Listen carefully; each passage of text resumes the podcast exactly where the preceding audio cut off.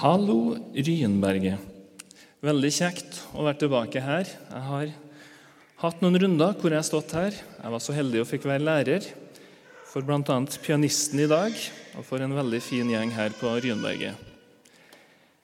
Da Håkon spurte meg om jeg kunne tenkt meg å ha søndagens preken, så tenkte jeg det var en veldig fin mulighet for å komme hit og få se forsamlinga som jeg har blitt så glad i. Når jeg satte meg ned for å se hva som var søndagens tekst, så tenkte jeg ai, det ble litt verre. Å komme til en forsamling i Norge og fortelle at det er en umulig for en rik mann å komme inn i paradis, det kan man møte litt motstand på. Eh, før vi fortsetter, så syns jeg vi skal lese det som er dagens tekst. Det står i Markus 10, vers 17. Vi leser Jesu navn. Og da Jesus gikk ut på veien, kom en løpende og falt på kne foran ham og spurte, Gode mester, hva skal jeg gjøre for å arve evig liv? Men Jesus sa til ham, Hvorfor kaller du meg god? Ingen er god utenom én, og det er Gud. Budene kjenner du. Du skal ikke slå i hjel, du skal ikke bryte ekteskapet, du skal ikke stjele, du skal ikke vitne falskt, du skal ikke bedra noen, du skal hedre din far og din mor. Mannen svarte ham, Mester, alt dette har jeg holdt fra da jeg var ung. Da så Jesus på ham og fikk ham kjær, og han sa til ham, Én ting mangler du. Gå bort og selg alt du eier, og gi det til de fattige. Så skal du få en skatt i himmelen. Kom så og følg meg. Men han ble trist til sinns for dette ordet og gikk bedrøvet bort, for han var meget rik. Jesus så seg omkring og sa til disiplene sine.: Hvor vanskelig det er, det vil være for den som har rikdommer, å komme inn i Guds rike. Disiplene ble forferdet over hans ord, men Jesus tok igjen til ordet og sa, Barn, hvor vanskelig det er for dem som setter sin lit til sin rikdom for å komme inn i Guds rike. Det er lettere for en kamel å komme gjennom et nåløye enn det er for en rik å komme i Guds rike. Da ble de enda mer forferdet og sa til hverandre, Hvem kan da bli frelst? Jesus så på dem og sa, For mennesker er det umulig, men ikke for Gud, for alt er mulig for Gud. Amen. Denne episoden her er noe som preger disiplene. Den står faktisk i tre av de fire evangeliene. Dette er et veldig viktig møte. Jeg husker veldig godt Da jeg var liten, så var ikke dette en historie som jeg beit meg merke i. nødvendigvis. Men da jeg gikk på bibelskole, så husker jeg jeg tenkte litt på reaksjonen til Jesus. Hvorfor reagerer Jesus på den måten? Og ikke minst, hvorfor reagerer disiplene på den måten de reagerer på? Når Jesus sier at det er vanskelig for rike å komme inn til paradis, så står det at disiplene blir rett og slett forferda. De blir sjokkert. Og hvorfor ble de det? I Israel på den tida så var det en teologi som var sånn at hvis det gikk bra med deg, så var det et tydelig tegn på at du hadde det godt med Gud. For da ble du velsigna av Gud. Hvis du var en rik mann, nei, da var det sikkert at han har fred med Gud. Han får store velsignelser. Så når de nå hører at Jesus sier at det er umulig for de rike å komme til paradis, så stiller de seg spørsmålet ja, hvem kan da bli frelst? Hvis ikke engang dem kan bli frelst, ja, hvem er det som da kan bli frelst? En annen ting som jeg syns er veldig fascinerende med denne episoden, her, det er når han kommer til Jesus faller seg på kne og sier 'Gode mester'. Så svarer Jesus med en gang 'Hvorfor kaller du meg god?' Det er bare Gud som er god. Det er nesten som han sier Veit du hvem du egentlig prater med? Har du innsett hvem jeg er? ettersom du kaller meg god? For Jesus fortsetter med å svare. Det vil jo da si at Jesus sier det er bare Gud som er god. Og ettersom han fortsetter med å svare, så sier han jo òg at det er jeg som er sendt fra Gud. Og Så begynner han å ramse opp ulike bud. Og Dette kjente jo denne unge mannen godt til. I Lukas 18, vers 18 så får vi lest at denne unge, rike mannen var ikke hvem som helst. Han var en rådsherre. Og En rådsherre på den tida det var en som hadde et tett forhold til det som var fariseerne. Med andre ord, dette var en mann med veldig mye makt blant jødene. I Japan så hadde denne mannen han hadde vært drømmemannen. For han var rik, han var mektig, og han var ung. Han hadde klart å få suksess i livet ganske tidlig. Dette er noe mange i Japan strever etter og nesten bruker hele sitt liv på å få til. Å bli suksessfull, å bli rik og få makt. Og Jeg kan nesten se for meg at folket rundt de kjenner igjen denne mannen og blir litt sånn Oi, se hvem er det som kommer? Hvem er det som kommer og bøyer seg for Jesus? Men blir Jesus begeistra? Jesus bryr seg ikke om statusen til denne mannen.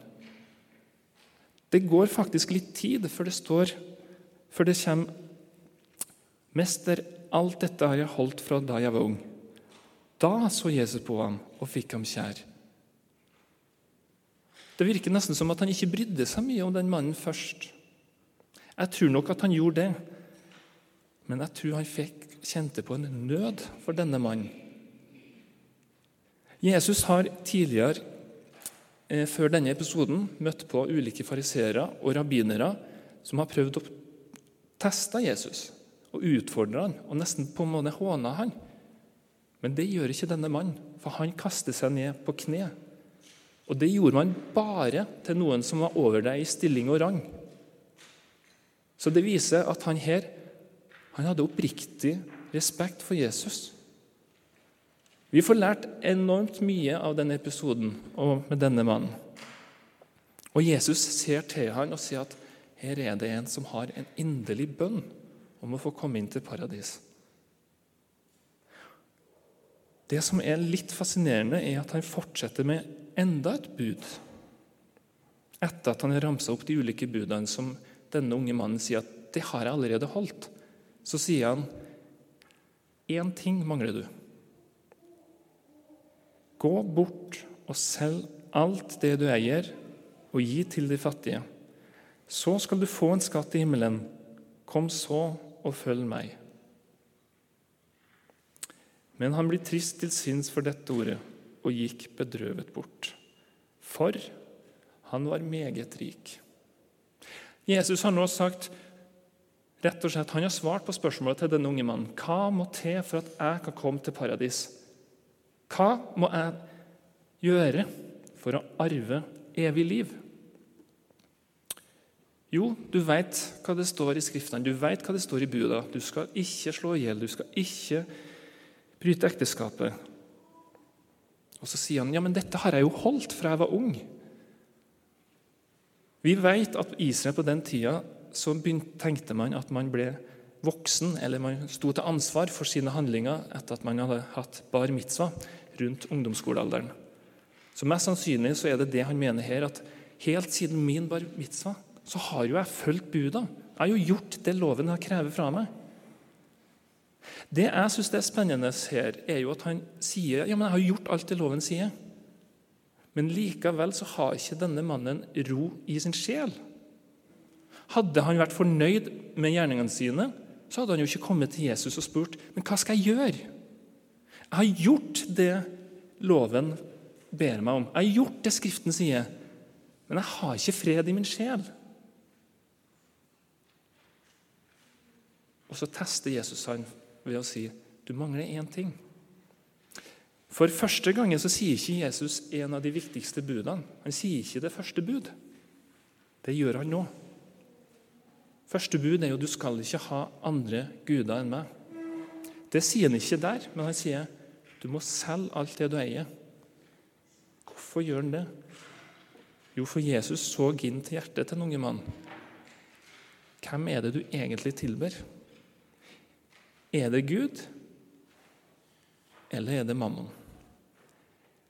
Jesus sier det tidligere at du kan ikke ha to guder. Du kan ikke tjene Gud og mammon.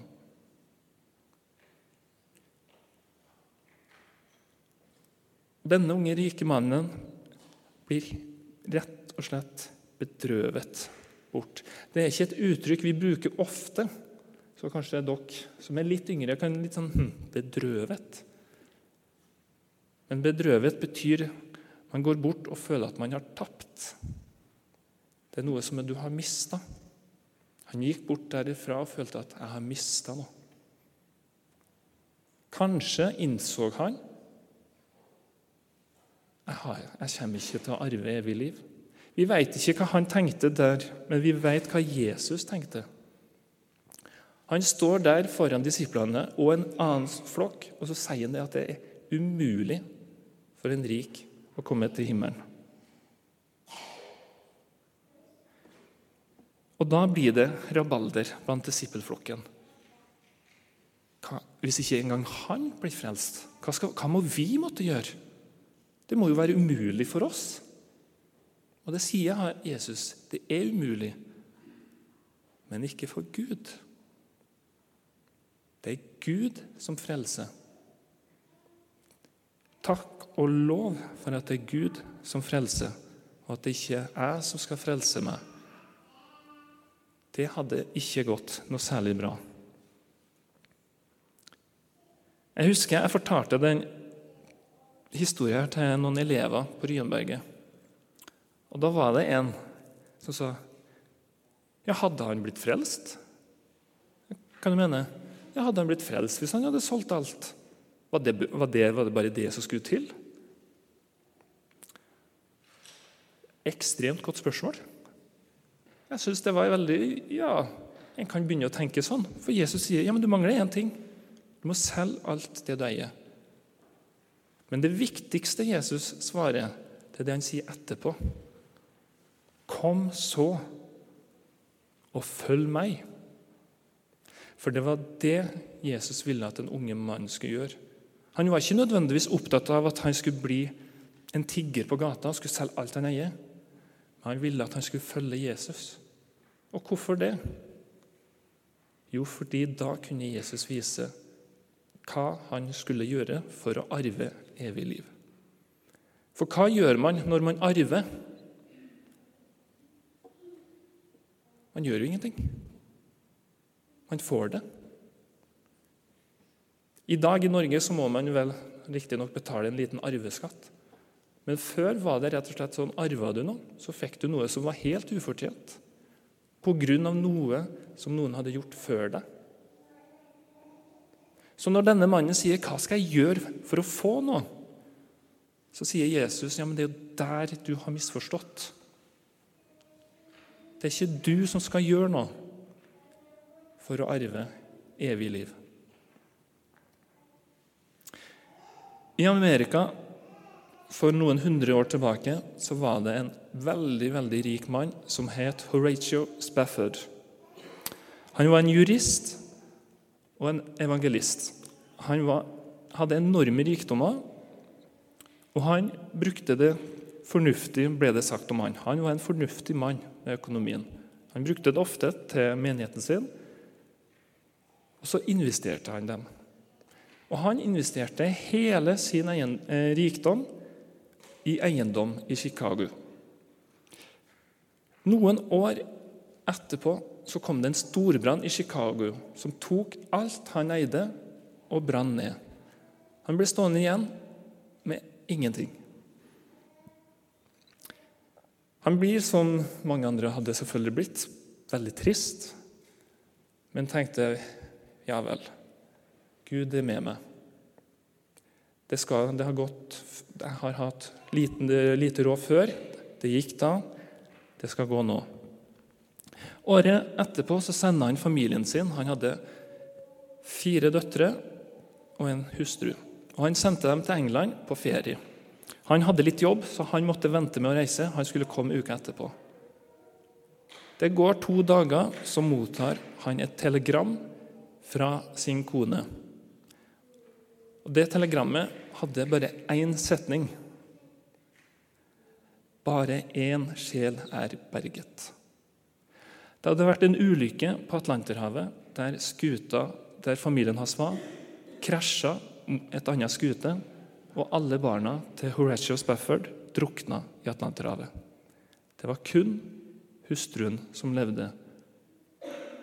Only one soul is saved.